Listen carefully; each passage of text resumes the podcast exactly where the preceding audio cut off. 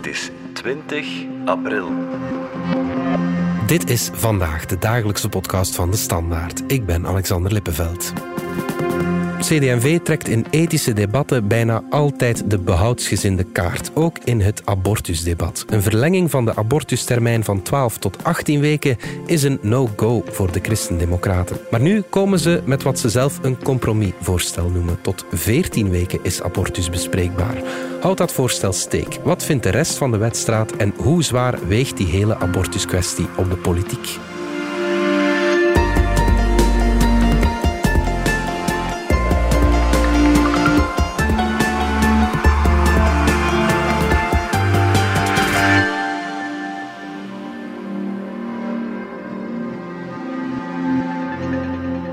Bart Brinkman van onze politieke redactie.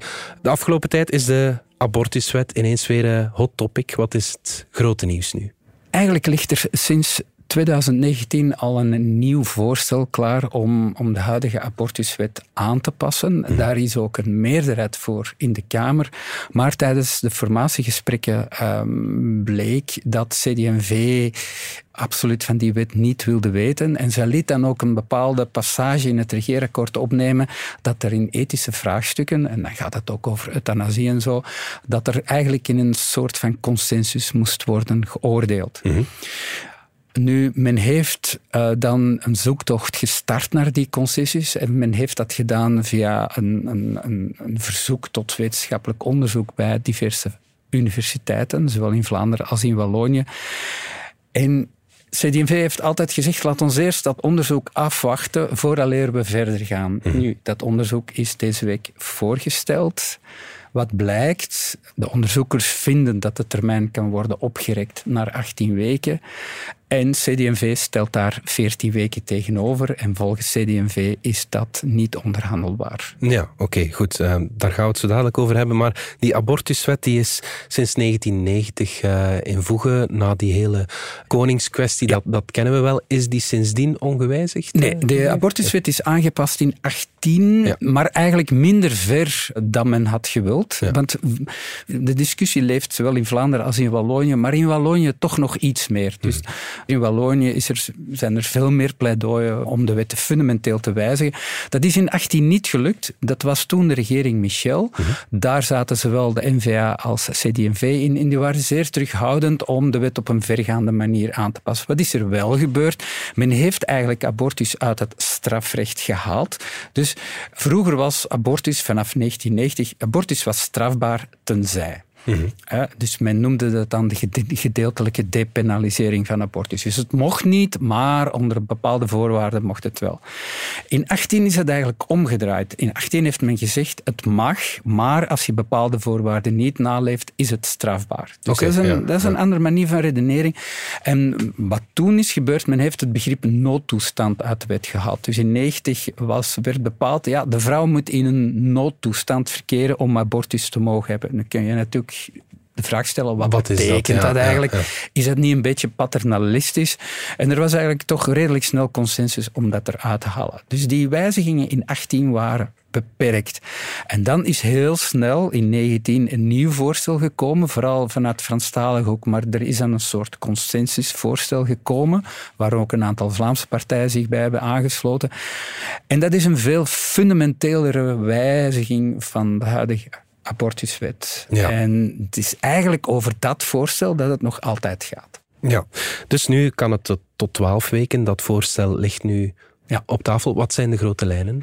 Wel, het nieuwe aan het voorstel dat nu eigenlijk nog altijd neerligt in het parlement, er, zijn, er zitten eigenlijk drie nieuwigheden in. Een eerste nieuwigheid is dat, het, dat abortus een onderdeel wordt van gezondheidszorg. Met andere woorden, het verdwijnt volledig uit de strafwet. Er zijn ook geen strafmaatregelen meer. Het is een onderdeel van de wet op de patiëntenrechten. Mhm. Of beter gezegd, het valt onder de wet op de patiëntenrechten. En je kan in die zin abortus vergelijken met euthanasie euthanasie.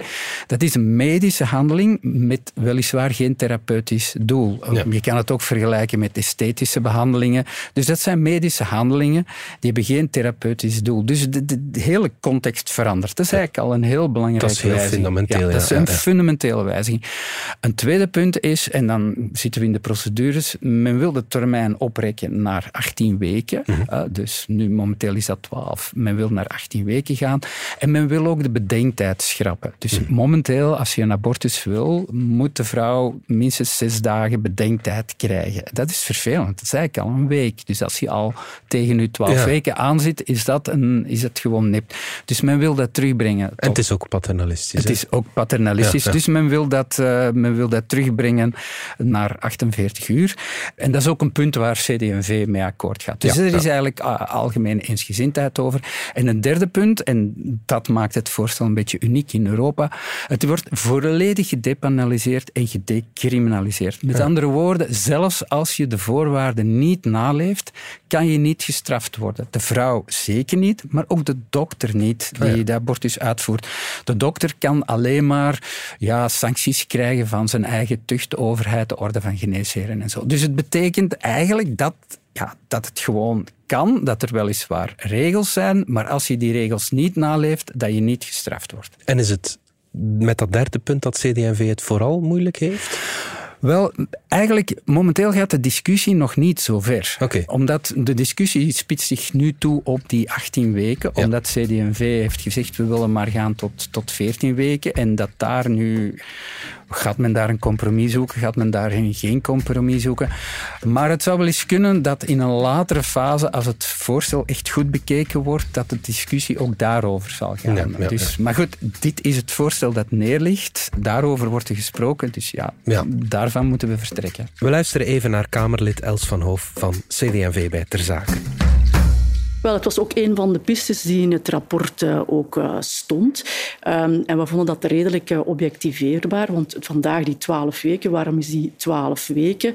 Ehm, ja, dat was voor geslachtsselectie niet toe te laten, dat was inderdaad om handicap te detecteren. Maar er zijn eigenlijk nog andere objectieve grenzen en dat is ook die van veertien weken. Van waar die veertien weken, Bart? Ja, dat is een beetje merkwaardig. Nu, als je daar rond wat leest, en dat, dat, dat zie je zowel in het wetenschappelijk rapport dat deze week is uh, voorgesteld, maar ook juristen. Elke termijn ja, is, kun je niet 100% argumenteren. Dat is onmogelijk. Mm. De, de, natuur laat zich niet in een eenvoudig compromis vatten van zoveel of zoveel weken. Wat we wel kunnen zeggen is één, waarom moet die termijn verlengd worden? Dat is eigenlijk, en dat zie je ook in het wetenschappelijk rapport, eigenlijk is er maar één reden. Op dit moment zijn er nog te veel vrouwen die die twaalf weken niet halen, die om, om een of andere reden, ehm, dat kan van alles zijn, men merkt het niet, ja. wat, dat, maar in elk geval zijn er, ja, de cijfers momenteel schommelen rond 300, dat, dat zou er soms ook meer kunnen zijn van vrouwen die naar het buitenland moeten. Per jaar? Per jaar, omdat ze die termijn overschreden hebben. Dat zijn dikwijls ook niet sociaal de meest uh, sterke vrouwen. Uh, in het buitenland kost dat natuurlijk een pak geld. Hè. Dat is toch snel duizend euro dat je, dat je daarvoor moet betalen. Dus men, men denkt dat het noodzakelijk is om die termijn op te rekenen, om eigenlijk dan nog gaat men niet 100% van de vrouwen bereiken, maar toch 80 à 90, uh, 80 ja. à 90 procent. Mm -hmm. Nu, er is, en, en dat is wellicht, enfin, dat is een van de redenen waarom CD&V het op 14 weken houdt, wat nog eens voor een stuk arbitrair is. Um, er zijn eigenlijk twee argumenten die CD&V gebruikt. Eén, er is een verschil tussen, ja, dus in het begin heb je eigenlijk een embryo en mhm. na 12, 13, 14 weken ga je naar een foetus. Ja. Dat betekent dat de handeling verandert. Mhm. Uh, dus bij, in de eerste fase kun je een abortus doorvoeren door curettage of door gewoon medicijnen te nemen. Ja, dat is een weinig impactvolle ingreep Dat is weinig impactvol. Enfin, dat is altijd impactvol, maar medisch is dat niet zo impactvol. Natuurlijk, als je in een tweede trimester zit, is, die, ja, is de procedure gewoon meer impactvol. Mhm. Heb je soms ehm, een, een, vorm van bevalling die je in gang hebt moeten steken en zo. Dus, het, dus de, de medische procedure verandert. En uh, zegt uh, eh, CD&V daarbij, maar goed, ook dat wordt betwist. Maar goed, er is discussie over. Volgens CD&V vanaf 14, 15 weken zou die foetus ook pijn kunnen voelen. Mhm. En goed, dan zeggen de wetenschappers, ja, maar we kunnen dat verdoven en dat soort dingen meer.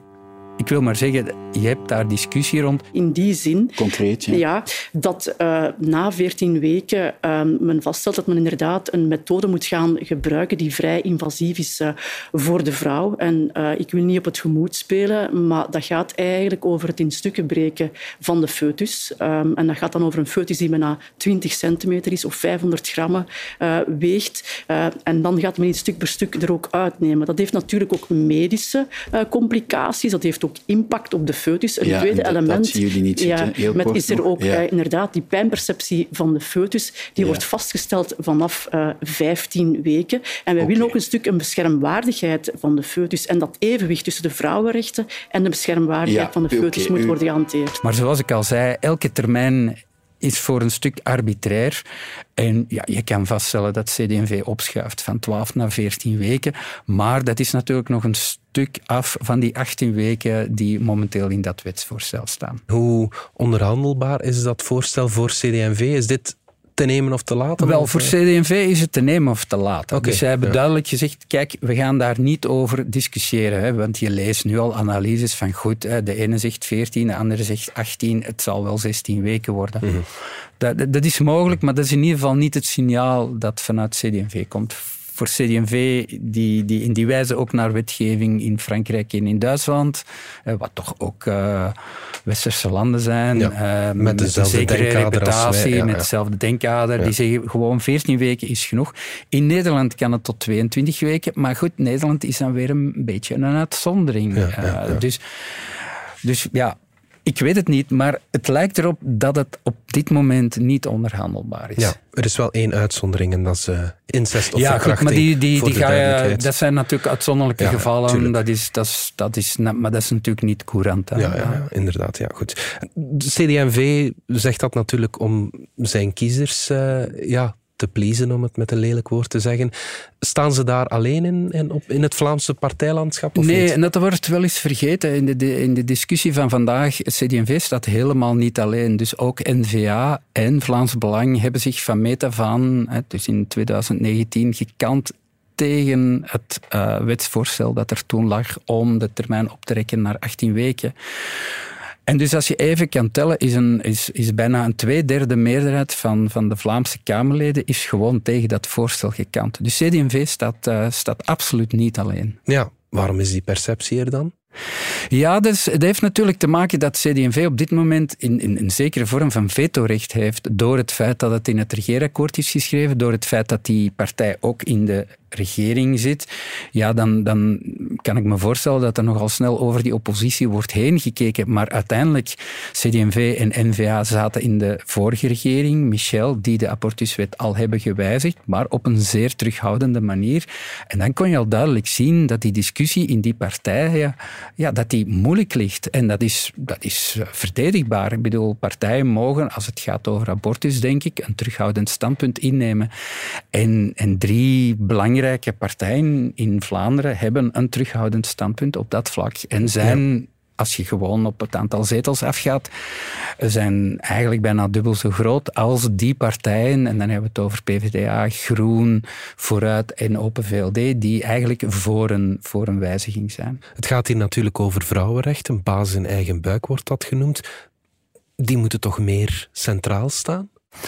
Ja, maar de vraag is natuurlijk hoe dat je dat invult. Um, voor alle duidelijkheid, we, we, we, zitten hier zeker niet in Amerikaanse toestanden, mhm. omdat niemand abortus in vraag stelt. Er is hier geen enkele juridisch, juridische instelling die abortus in vraag stelt. Dus abortus is eigenlijk algemeen aanvaard. Dus het gaat eigenlijk over wat zijn de voorwaarden waarbinnen we dat toelaten. En dan heb je, heb je natuurlijk verschillende rechten die vroeg of laat met elkaar in botsing komen. En mhm. wanneer dat, dat juist is, ja, dat is, dat is voeren voor discussie. Je hebt natuurlijk het recht van de vrouw, hè, inderdaad, baas in eigen buik en, en, en dat soort dingen meer. Maar je hebt natuurlijk ook het ongeboren leven dat je op een bepaald manier, op een bepaald moment beter moet beginnen te beschermen. Dus je moet, ergens, je moet ergens een begrenzing maken, hè, waarbij ja, je moet verschillende rechten afwegen. En daarover gaat natuurlijk de discussie. En dan heb je een, een wetenschappelijk luik, hè, waarbij men zegt, goed, 18 weken, 20 weken, zelfs sommigen zeggen tot 22 weken omdat men ervan uitgaat dat levensvatbaarheid ergens begint vanaf 26 weken. Dus men, er is wel al eensgezindheid over het feit dat verder dan 26 weken gaan we nooit gaan. Mhm. En dus discussieer je over, ja, tot wanneer wel en tot wanneer niet. En die discussie is momenteel bezig. Het gaat ook over de wetenschappelijkheid natuurlijk. Er is een rapport. We luisteren even naar fractievoorzitter Melissa de Prateren van Vooruit. De CD&V, u zei het net zelf, die een paar jaar geleden het rapport heeft gevraagd. Het is meer dan 200 pagina's lang, dus dat is heel grondig uitgevoerd, dat werk. En zij komen tot een heel duidelijke conclusie. Zij spreken niet over 14 weken, zij zeggen dit zou 18 weken moeten mhm. zijn. En als het rapport dat zegt, als al die experten dat zeggen, dan snap ik niet dat jullie zeggen, ah, maar dan leggen we dit naast ons neer en dan doen we gewoon iets anders. Dat lijkt voor mij wat op natte vingerwerk. En op, ja, ik heb gehoord dat jullie daar op jullie partijbureau over hebben gediscussieerd. Voor mij komt het over alsof er wordt gekeken van ja, wie biedt meer, wie biedt minder, hoeveel weken wordt het. Als alle experten zeggen het moet 18 weken zijn, dan begrijp ik niet zo goed dat het rapport gewoon naast jullie wordt neergelegd. CD&V pikt er nu één studie uit die over 14 weken spreekt. Daarop baseren ze heel hun redenering nu. Is dat niet wetenschappelijk en intellectueel oneerlijk om uh, er één studie uit te pikken? Ja, maar zoals ik zei, er is altijd iets arbitrairs in het, in het kiezen van het aantal weken. Voor een stuk zou je kunnen, ook kunnen zeggen waarom 18 weken en geen 17 weken of geen 19 weken. Ik mhm. bedoel, je kunt daarover discussiëren. En CD&V probeert te onderbouwen waarom dat ze naar 14 weken gaan en, en, niet verder. Maar eigenlijk kun je dat niet. En dan, ja, dan, dan vind je altijd wel ergens een argument en dan zeggen de andere mensen, andere wetenschappers zeggen dan, ja, maar dat mag je eigenlijk niet doen. Wij hebben die aanbeveling heel voorzichtig uh, gelezen. En daarom voorzichtig zijn wel wetenschappelijke experts, zegt mevrouw de Praat. Ja, maar er zijn zoveel wetenschappelijke experts die over verschillende thema's ook aanbevelingen doen. Het is nooit een copy-paste geweest. Dat is het niet voor de fiscale hervorming, dat is het niet voor Ventilus, dat is het niet voor stikstof. De politiek moet daarmee omgaan. En wij hebben dat grondig gelezen en we zijn tot een eigen positie gekomen. Voor de ene gaat het te ver, voor de andere is het te min. Je kan daarover oeverloos discussiëren. Het gaat erom dat een partij vindt van goed, voor ons is 14 weken genoeg. En die partij, zoals ik al zei, Anne Vlaanderen staat daar niet alleen mee. Er zijn andere partijen die zeggen, goed, laat ons tot 18 weken gaan. Ja, laat de discussie dan, dan, dan maar starten. Straks hebben we het nog over de bocht van CD&V, maar eerst gaan we er even uit voor reclame.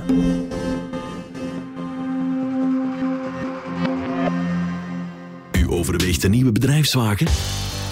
Dan wist u natuurlijk al dat vanaf 1 juli de aftrekbaarheid van plug-in hybride voertuigen jaarlijks daalt. Nu goed, fiscaliteit is uiteraard belangrijk, maar luxe en comfort zijn dat minstens evenzeer. En dat moet u gewoon zelf ervaren.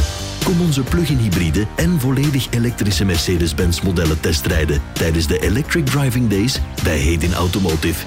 Reserveer nu uw plekje achter het stuur op hedinautomotive.be.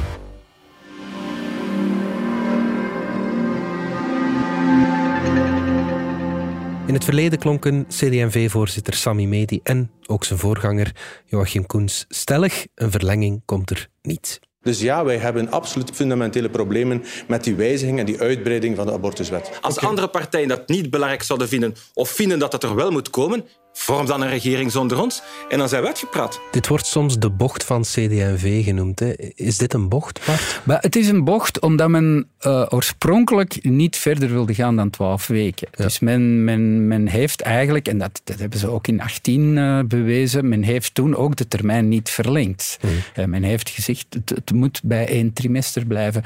Dus het feit dat men nu twee weken verder springt, um, is in die zin al een bocht. Enfin, je zou het een, bochtje, bochtje kunnen noemen Dat is helemaal niet zo'n spectaculaire bocht. En we moeten ook durven toegeven dat mm, vanaf 17, 18 heb je heel wat voorstellen gehad om de abortuswet te wijzigen van verschillende partijen. En er werden ook verschillende termijnen opgeplakt. De ene zei 16 weken, de andere zei 14 weken, nog andere zeiden 18 weken, nog andere zeiden 20 weken. En dus ook die 18 weken in het voorstel dat nu neerligt, was een soort van compromis. Van goed, mm. waar kunnen we, eh, waar kunnen we elkaar vinden? Want het heeft weinig zin dat we hier zes voorstellen bekijken. Het is makkelijker als we dit allemaal herschrijven tot één voorstel. Dus ook daar heeft men, heeft men een, een soort onderhandeling gevoerd. Mm -hmm. PvdA, PTB staat nu natuurlijk te springen om, uh, om, ja, om de regering te depaneren, om het zo dan te zeggen. Ja. Uh, is dat oprecht of is dat uh, politiek gewin? En en ja, zal dat, dat gebeuren om te beginnen? Dat is natuurlijk politiek gewin. Ja. Eerst en vooral, dat is een beetje ook een misvatting. Dit is een zaak voor het parlement. Dus altijd, heeft altijd in het parlement gezeten. Abortus is geen onderdeel van het regeerakkoord. Natuurlijk zou je kunnen zeggen, ja, maar het, het feit dat CD&V consensus vraagt in ethische voorstellen, maakt er wel een regeringszaak van. Maar de regering gaat zich met deze zaak niet bemoeien. Dus het parlement moet daar uitgeraken.